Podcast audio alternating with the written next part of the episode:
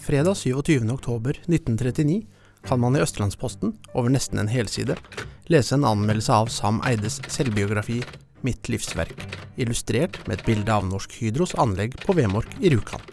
Et anlegg som skulle spille en stor rolle i krigen som Norge blir en del av et halvt år senere.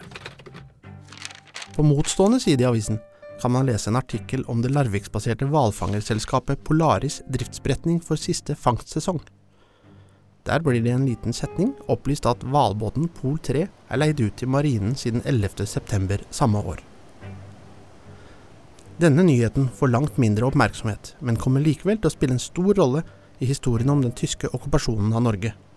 Skipet skal gå i nøytralitetsvakt og se til at de stridende partene i krigen som allerede pågår i Europa, ikke går inn i norsk farvann. Mandag 8. april 1940 er det en anspent stemning i hele Norge, og Vestfold er ikke noe unntak. De siste dagers meldinger om tyske fly, fremmede skip og ubåter innenfor norsk territorium gjør folk urolige.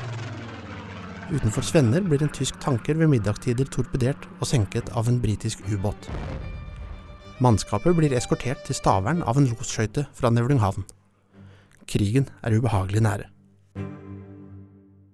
Om bord i Pol 3, som patruljerer ytterst i Oslofjorden, går dagen mot natt. Kaptein Leif Velding Olsen fra Sandar er nedenunder i sin kahytt, mens vaktsjef Hans Bergan står på broen. Kveldene er fremdeles mørke, og nymånen gir lite lys. Det som om ettermiddagen har vært dis, har blitt til tett tåke. Pol 3 har akkurat rundet Færder for å gå mot Torbjørnskjær, da vaktsjef Bergan ser to store skygger gli innover den tåkelagte fjorden. Kaptein Olsen blir purret, og sammen med Bergant konstaterer han at de to skyggene er mørklagte krigsskip. Men er de engelske eller tyske? Olsen gir ordre om å avfyre varselskudd med 76 mm-kanonen som er montert på Pol 3. Skuddet får ikke de mystiske fartøyene til å endre kurs eller fart, men plutselig treffer noe det norske vaktskipet bakfra. En torpedobåt med tysk flagg skraper opp langs siden av Pol 3, retter lyskasteren mot skipet og gir nordmennene ordre om å overgi seg. Olsen nekter å adlyde, men sender i stedet opp signalraketter. To røde og en hvit, for å varsle nærliggende fort om hva som er i ferd med å skje. Samtidig starter telegrafisten på en radiomelding til Horten. Klokken er blitt 23.07. Fra det tyske skipet kommer det salver med mitraljøsekuler. Skipet settes i brann, og kapteinen, som på dette tidspunktet står i baugen, løper mot broen, men blir på veien truffet i beina. Hardt skadet beordrer han mannskapet om å forlate skipet. Livbåtene er skutt i stykker, og kun en pram er igjen til å evakuere 14 mann. Sterkt overbelastet kantrer prammen.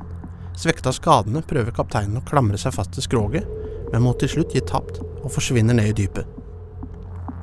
Resten av besetningen plukkes opp og arresteres av mannskapet på den tyske torpedobåten. Norge er i krig, og kaptein Leif Velding Olsen blir første nordmann som dør i kamp mot de tyske invasjonsstyrkene, 44 år gammel. Men Drøbak er varslet, og Blüchers skjebne beseglet.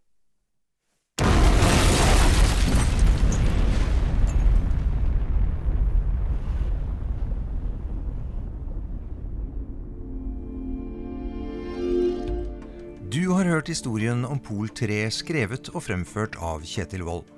Lyddesign Geir Atle Johnsen. Følg oss gjerne på Facebook. Du finner også Larvikspodden på Spotify og der du laster ned podkast.